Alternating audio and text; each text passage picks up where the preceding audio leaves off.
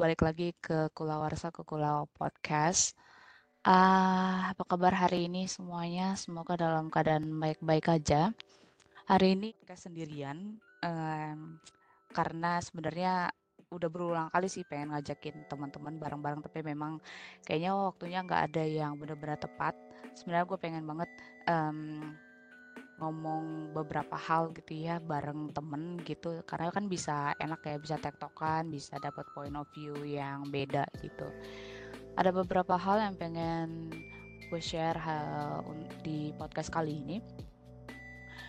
Yang pertama adalah tahapan hidup pasca duka. Ya jadi eh, pasca tahun-tahun covid kemudian sampailah pada tahun 2023 ini di mana Presiden Jokowi itu baru ngumumin ya belum lama kan untuk bilang bahwa ternyata pemakaian masker itu bukan lagi hal yang wajib.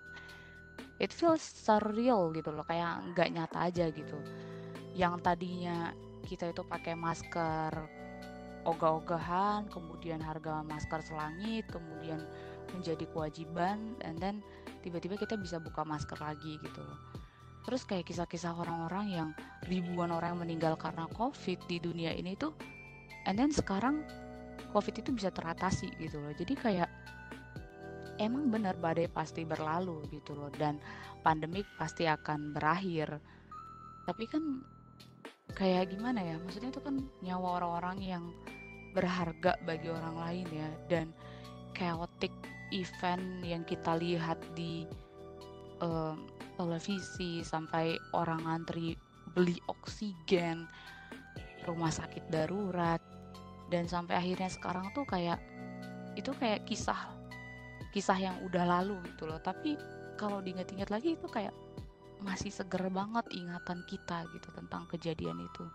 Dan sekarang kayak vaksin juga udah mudah ditemui dan masih dalam keadaan gratis untuk masyarakat ya rasanya benar-benar luar biasa aja gitu kejadian. Dan sekarang untuk orang-orang yang ditinggal pergi oleh orang-orang yang mereka kasihi sekarang adalah tahapan pasca duka gitu ya. Di mana ya kita harus move on dengan keadaan situasi yang baru gitu. Padahal kalau misalnya kita lihat sekarang kita bisa lepas masker itu kayak balik lagi ke kejadian tahun sebelum tahun 2020 gitu mana kita bisa kayak bebas menghirup nafas, kemudian juga nggak pakai masker, kemudian juga kayak beberapa acara atau meeting atau kejadian face to face yang dulunya nggak butuh, tapi sekarang ya ya balik lagi jadi kayak nggak butuh lagi gitu ya. Jadi kayak gimana ya? Jadi kayak hidup itu kayak uh, kayak sebelum covid gitu. Udah jadi kayak sebelum covid gitu loh. Tapi bedanya adalah kita udah nggak nemui lagi orang yang kita sayangi gitu ya. Kayak cepet banget gitu ya waktu berlalu dan mereka udah nggak ada gitu di sisi kita. Padahal hidup tuh kayak udah keriset udah kembali ke sebelum covid. Bedanya sebelum covid itu ternyata mereka tuh sekarang udah nggak ada gitu ya. Jadi buat gue ketika ngelepas masker itu ngerasa kayak aneh banget gitu loh. Kenapa kayak orang-orang yang pergi tuh kayak nggak nggak nunggu aja gitu loh kayak bertahan gitu loh. Karena pada akhirnya di 2023 semuanya itu berakhir dan dan kita bisa lepas masker dan semua vaksin merata dan rumah sakit kembali bekerja dengan normal. Oksigen bisa didapat dengan normal harga-harga masker dan sanitizer dan apa pun itulah itu balik normal lagi gitu loh. Jadi kayak kenapa gitu ya mereka nggak bisa nunggu gitu. Tapi itulah ya pasca uh, duka.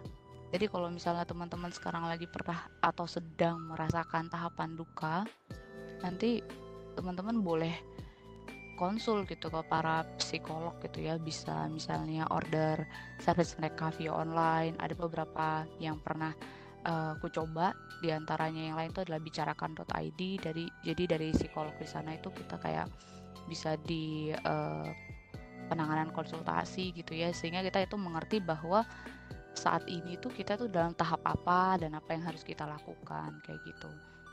Nah sekarang tahapan diri gue tuh adalah lo lagi di pasca duka gitu ya. Nah di pasca duka ini kayak uh, udah tidak terpuruk lagi tapi masih belum tahu kudu ngapain dan bakal ngapain gitu ya. Jadi kayak ngerasa kayak ya udahlah ya lanjutin aja hidup hari ke hari kayak gitu. Terus kalau kayak ada sesuatu yang ingin dilakukan nggak se excited dulu gitu. Tapi tetap berusaha mencoba gitu untuk excited gitu salah satunya adalah gue pengen mempelajari hal baru gitu ya gue pernah ketemu sama temen uh, di uh, dulu tuh satu perusahaan dan uh, dia lokasinya tuh di Jakarta. Dia bilang suatu saat dia itu benar-benar bosan dan ketika dia bosan yang dia lakukan adalah satu mencari hobi baru, yang kedua traveling gitu. Nah, karena traveling ini masih belum memungkinkan buat gue, karena kan traveling itu pasti membutuhkan banyak modal banget ya. Walaupun kayak let's say backpackeran gitu, tapi ya tetap aja butuh banyak persiapan, banyak waktu cuti gitu ya. Termasuk juga banyak modal. Jadi gue cobalah uh, yang dia yang saran dia ya yaitu yang mencari hobi baru. Waktu itu dia coba um, teman gue itu dia coba hobi barunya tuh zouk dance. Ya jadi kayak gue nggak ngerti apa tapi kayak sejenis dance kayak salsa dan segala macamnya gitu ya di mana kayak lu latihan dance kemudian habis itu pakai heels dan um, ya lama-lama lo akhirnya bisa gitu ya dan itu tidak tidak tergantung pada usia, tidak tergantung pada uh, berat badan dan sebagainya gitu. Jadi dia uh, lama-lama suka aja gitu sama si dance itu dan lama-lama ahli karena kan gua ngeliat dari postingan Instagramnya gitu kan. Anyway namanya Mbak Lia. Kalau Mbak Lia dengar, hai. Aku selalu mengawasi postingan Instagrammu mengenai Zouk dance semua gitu ya dan Mbak Lia keren. Kemudian karena terinspirasi dari Mbak Lia itu uh, akhirnya gue juga coba lah kan. Nah salah satu yang pengen gue lakukan dalam hidup ini adalah belajar renang gitu ya. Ya gue emang gak bisa renang gitu. Jadi kalau ke kolam renang ke pantai ya udah main air aja cebiak cebyuk kayak gitu main air gitu. Dan finally gue ambil lah les renang gitu kan nah les renang ini kan dibarengin deh sama ibu-ibu kantor juga gitu kan. Dan yang udah cukup berusia juga gitu. Jadi menurut gue kayak ya udahlah ya gue nggak malu gitu kan. Karena kan kalau misalnya seandainya gue les renang kebanyakan kan tuh anak-anak tuh yang les renang kan. Jadi kayak ya udah gue ambil les renang dan berbayar kan. Nah yang berbayar inilah yang menurut gue kayak uh, jadi komitmen gitu jadi kalau misal gue bayar gue pastinya gue nggak mau rugi gitu kan. Jadi kayak gue pasti berkomitmen tapi ternyata itu salah sih ya. Maksudnya kayak even if gue bayar ternyata gue juga nggak nggak sekomitmen itu gitu ya. Jadi datanglah gue pada hari les pertama dan les kedua gitu. Jadi di les pertama ini uh, eh, gue belajar renang dan ternyata gue nggak sebego itu gitulah ya. Jadi kayak masih bisa diajarin lah intinya gitu. Terus lama-lama akhirnya agak cukup bisa dan di kan kayak latihan kayak satu setengah jam gitu ya sama si pelatihnya gitu. Jadi kayak pertama tuh latihan nyelam dulu terus lama-lama kelanturin tangan lama-lama disuruh uh, gaya gaya bebas dulu ya yang si gaya kodok gitu ya. Terus latihan nafas sampai di renang kedua gitu ya. Latihan keduanya gue udah dibawa ke yang ini nih yang apa namanya yang dalam gitu ya yang dua setengah meter gitu. Jadi gue disuruh tenggelam dulu gitu tuh. Jadi di dibilang di, disuruh ngerasain tenggelam supaya uh, kenal gitu bahwa uh, environment latihan itu tuh nggak takut gitu loh nggak bisa menakutkan itu dan ada yang nolong. Jadi lu bisa bisa fokus apa namanya bisa fokus latihan gitu. Jadi ya udah gue fokus uh, latihan karena gue tahu kalau misalnya gue tenggelam ternyata cuman ya segitu gitu loh dan pasti bakal bisa uh, ditolongin gitu. Yang yang bikin kacau adalah pada saat lu panik gitu loh. Jadi pada saat lu panik lu lupa semua teknik dan nelan air dan gak berusaha menyelamatkan diri gitu loh. Jadi kayak cuman panik doang aja gitu dan itu yang yang pengen diajarin gitu loh. Kayak lu coba tenggelam lu nyelam gitu sampai ke dasar terus lu lihat gitu loh lu bisa apa kalau misalnya lu di bawah sana gitu loh. Ternyata lu masih bisa apa ya kayak nginjek lantainya dan dorong badan lu ke atas terus bisa menggapai dinding dan dan begitu gitu loh. Jadi lu bisa mikir kalau lu nggak panik gitu loh. Kecuali kalau lu panik teknik lu kacau lu nggak bisa ngeliat sekitar lu cuman bisa nalan air lemes dan bisa jadi kayak ya itu keram dan tenggelam gitu. Jadi itu yang gue pahami dari latihan renang yang kedua. Nah selanjutnya untuk latihan renang ketiga dan keempat gue nggak bisa ceritain karena ternyata gue nggak pergi-pergi juga. Dan itu kayak udah vakum 2 sampai tiga bulan gitu sih. Cuman iya ya udah kayaknya sih uh, itu kayak open tiket ya. Kapan pun kita bisa kita bisa datengin pelatihnya. Karena uh, bayar 400 ribu itu untuk enam kali latihan. Gue baru pakai dua tiket istilahnya gitu ya. Mudah-mudahan gue masih bisa pakai empat tiket lagi after lebaran. Ya gue nggak yakin sih gue masih ingat tekniknya. Tapi paling nggak gue nggak bego-bego amat lah gitu ya pada saat dimulai lagi gitu. Dan yang paling penting dalam teknik renang itu kan teknik bernafasnya ya. Dan gue masih cukup cukup kacau tapi nggak bego-bego banget gitu jadi gue pengen mantepin dulu aja di teknik nafasnya baru setelah itu kayak uh, gaya dadanya atau gaya kupu-kupunya atau tipe-tipe gayanya itulah gitu at least itu adalah salah satu skill yang pengen gue kuasai uh, sebagai langkah move on atau langkah mengisi sesuatu yang hilang dari diri gue gitu after duka gitu. Dan lately ada hal yang pengen gue share juga, yaitu adalah hmm, kadang-kadang uh, dalam tahapan hidup gue yang sekarang, gue kayak memikirkan sesuatu itu kayak hmm, agak lebih dalam gitu ya, agak lebih cari maknanya, agak lebih bisa, maksudnya kayak mencari ke dalam diri sendiri, mencari ke dalam pengertian uh, apa sih yang bisa gue pahami gitu ya dari langkah yang akan gue ambil dari kejadian-kejadian yang ada di hidup gue kayak gitu.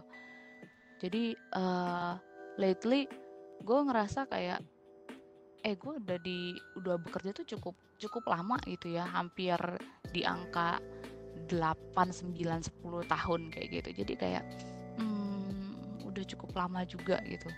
Terus gue kayak ngerasa bahwa um, apalagi lately ada kejadian-kejadian yang cukup uh, dramatis ya di pekerjaan gue kayak um, ada terjadi kayak PHK gitu dan gue ngelihat kayak um, oh PHK itu kayak dia nggak punya pola gitu ya di mana dibutuhkan untuk dilakukan ya harus dilakukan gitu.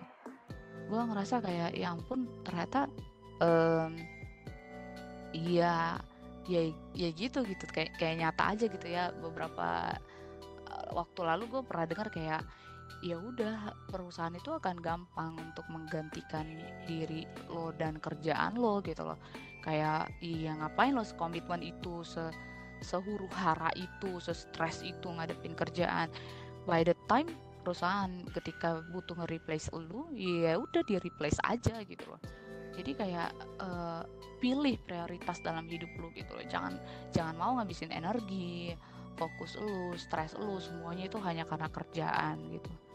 Dan itu yang gue lihat gitu loh ketika misalnya gue ngeliat orang-orang itu di PHK gue denger ceritanya gitu di mana hari itu diumumin PHK ya hari itu juga harus pulang gitu loh.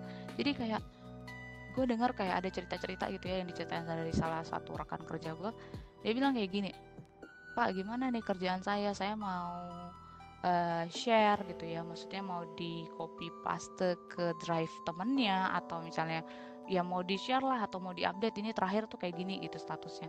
Nggak perlu ternyata katanya. Ya udah nggak perlu pak katanya gitu. Jadi bapak pulang aja gitu.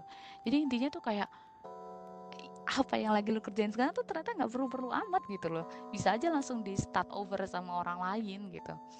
Dan itu ngebuat gue tuh kayak ngerasa kayak ya ampun oke okay, uh, kita ternyata hidup tuh cuma sesimpel itu gitu loh. Kayak sesimpel lu dikasih tahu suruh pulang ya lu pulang. Sesimpel lu disuruh kerja, kerja ya lu kerja. Sesimpel lu disuruh berhenti kerja ya lu berhenti kerja gitu loh. Jadi kayak lu nggak sepowerful itu untuk kerjaan gitu. Oke siap. Noted catat kayak gitu. Tuh dan hal yang ketiga yang pengen gue share itu adalah lately gue denger lagunya si Peter Pan yang sekarang namanya Noah. Itu judul lagunya kan si yang apa ya menghapus jejakmu ya. Yang video klipnya itu kayak uh, si hmm, Dian Sastro ya. Dian Sastro kayak ngikutin langkahnya si Ariel gitu kan ya. Dia kayak copycat gitu. Terus uh, diperbarui sama video klipnya Noah itu ada Angga Yunanda ya terus diikutin sama si ceweknya gue lupa namanya siapa. Dan um, akhirnya ini gue kayak baru ngelihat gitu loh makna lagunya itu gimana gue bisa relate banget dengan makna si lagunya itu gitu loh. Gue kayak ngerasa pengen banget nyanyiin lagu itu untuk untuk sebuah subjek gitu ya. Bahwa finally itu gue bisa kayak menghapus jejaknya dia gitu ya menghapus jejaknya si subjek ini gitu. Gue pengen banget suatu saat nyanyiin lagu itu di depan si subjek ini gitu di mana gue ngerasa kayak eh gue bisa bebas loh dari lu gitu. Eh gue bisa bebas dari si subjek ini gitu. Dan uh, dan ngelepas gitu ya dan ngebiarkan hujan menghapuskan semua jejak kenangan tentang si subjek tersebut gitu. Gue kayak ngerasa bahwa eh kadang-kadang luar biasa gitu ya after years and years and years kayak kita bisa relate terhadap suatu situasi gitu. Jadi poin penting dalam hidup gue yang gue pahami adalah kayak nggak boleh aja loh gitu kita kayak menjudge situasi kayak alah uh, kayak gitu aja uh, nangis kayak gitu. Atau apaan sih lagunya melo banget apaan sih lagunya nggak uh, relate banget kayak gitu ya. Tapi ternyata one day ya kita tuh bisa bener-bener ngerasain sepatunya itu pas banget buat kaki kita gitu loh. Kayak everything itu cocok banget dengan kita gitu kadang-kadang lucu juga sih. Gue juga pernah kayak waktu itu melihatkan kayak storynya temen di Instagram dia bilang kayak oh gini ya ras. Eh, dia bilang kayak gini capek banget nangis semalaman gitu. Gue mikir kayak kayak apa nangis semalaman? Nggak mungkin nangis semalaman. Kayak kita pasti kayak nangis kayak cuman 15 menit 20 menit ya udah udah capek udah berhenti ngantuk tidur. And then at that time gue nggak ngerti jadi gue ngerasa kayak lebay banget ya updatean kayak nangis semalaman kayak gitu. Enggak dong enggak dong gitu ya. One day gue ngerasain ketika waktu itu gue berduka ditinggal sama nyokap dan adik gue dalam kurun waktu yang dekat di tahun 2021 gue bener-bener ngerasain itu gitu loh. Gue bener-bener ngerasain yang disebut dengan nangis semalaman dan gak berhenti. Di mana gue kayak bangun-bangun mata gue bengkak nggak bisa kebuka gitu loh parah banget gitu. Kayak mata gue bengkak pipi gue bengkak gue nggak bisa lihat. Sekujur tubuh gue ngerasa sekujur kulit di tubuh gue tuh ngerasa perih gitu loh akibat nangis semalaman itu. Literally malaman kayak gitu kayak kayak nggak berhenti gitu loh. Kayak kayak berhenti tuh cuman kayak buat nafas doang gitu loh. Terus kayak ngalir nangis terus kayak gitu. And even if itu nggak cuman semalaman itu kayak hampir seminggu hampir seminggu dalam dalam tiap malam itu nangis kayak gitu loh. Bangun tidur nangis uh, keinget mereka nangis kayak capek banget lah istilahnya tuh kayak gitu.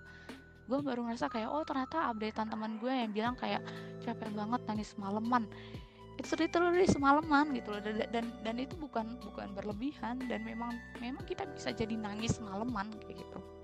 Jadi gue kayak ngerasa kayak eh hati-hati juga gitu ya ngejudge atau menilai seseorang gitu ya. Terima aja gitu loh. Maksudnya kayak ya orang kayak ngasih tahu keadaan mereka atau mungkin kayak nge-share keadaan mereka itu bukan untuk dijudge ya untuk ya udah kita biar tahu aja gitu loh. Ya udah baca aja atau ya udah skip aja kalau lu misalnya gak butuh informasi itu gitu. Gue ngerasa kayak oh oke okay, finally gue ngerasain sepatu itu gitu loh. Dulu gue juga takut banget gitu loh ketika misalnya kayak ngebaca ada juga kayak updatean teman atau tweet teman atau updatean Instagram teman tentang kayak mana dia tuh uh, posting-posting nisan ibunya gitu ya. Nisan ibunya ngerasa kayak rindu ini nggak terbalaskan kayak gitu ya. Gimana memenuhi sesaknya rindu kepadamu ibu gitu. Gue takut banget ngeliat Instagram story itu gitu ya atau tweet tweet tweet di Twitter tentang kayak gitu. Kayak uh, walaupun gue tahu bahwa itu pasti akan menyakitkan dan menyedihkan tapi gue takut aja gitu loh ngerasain itu. Pasti akan rasanya tuh kayak sangat gue bahkan nggak bisa ngebayangin gimana sedihnya dan menyesak menyesakkan jiwa gitu merindukan ibu gitu ya. And then boom gue ngerasain dong gitu ya. Gue ngerasain gimana rasanya ngupdate ke Instagram Story ataupun iya ngelihat nisan ibu dan lu bilang pengen bilang ke ibu tuh kalau lu tuh kangen gitu loh. Gue akhirnya ngerasain itu dan itu rasanya tuh luar luar biasa banget gitu ya even if gue nyeritain ini aja rasanya tuh menyesakkan jiwa gitu ya. Rasanya tuh kayak haru mata gue berair. Dan kayak gue jadi kayak flashback gitu ya. Wah jadi ini tuh yang dirasain teman gue gitu ya. Tadinya gue kayak pengen mungkin mungkin pada suatu saat kayak pengen julid kayak apa sih ngupdate ngupdate Nissan kalau misalnya lu kangen ya lu doain aja gitu loh. Tapi ah, seharusnya lu punya empati gitu loh ketika lu melihat orang berduka gitu ketika lu melihat kayak dia merindukan ibunya gitu loh. Kalau lu masih punya ibu ya lu gak akan bisa ngerasain gimana rindunya ke seorang ibu dan lu nggak bisa uh, memenuhi ekspektasi rindu lu gitu.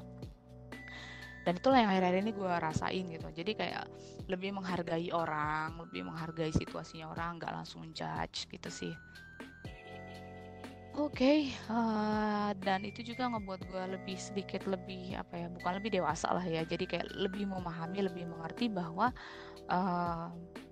Iya kurang-kurangin aja gitu loh ngejulit gitu ya. Kurang-kurangin aja berpikir negatif terhadap orang gitu ya. Kayak kayak itu nggak penting itu kayak ngebebanin hidup lu sendiri juga. And then one day ketika lo ngerasain ya iya finally lu bakal ngerti aja gitu loh bahwa ketika seseorang nge-share sesuatu atau nge-share sebuah duka atau nge-share sebuah cerita bisa jadi dia nggak butuh nggak butuh lu kasih saran bisa jadi dia nggak butuh lu kasih apa ya kasih pengertian atau dia nggak butuh penilaian atau judgement lu gitu loh. Jadi yang dibutuhkan tuh yang cuman sekedar dia cuman butuh tempat buat cerita doang aja sih. Cuman butuh tempat buat nge-share aja gitu nggak butuh apa-apa nggak butuh sesuatu dari lu nggak butuh sesuatu dari netizen juga. Dia cuma butuh sesuatu untuk melampiaskan doang aja sih gitu.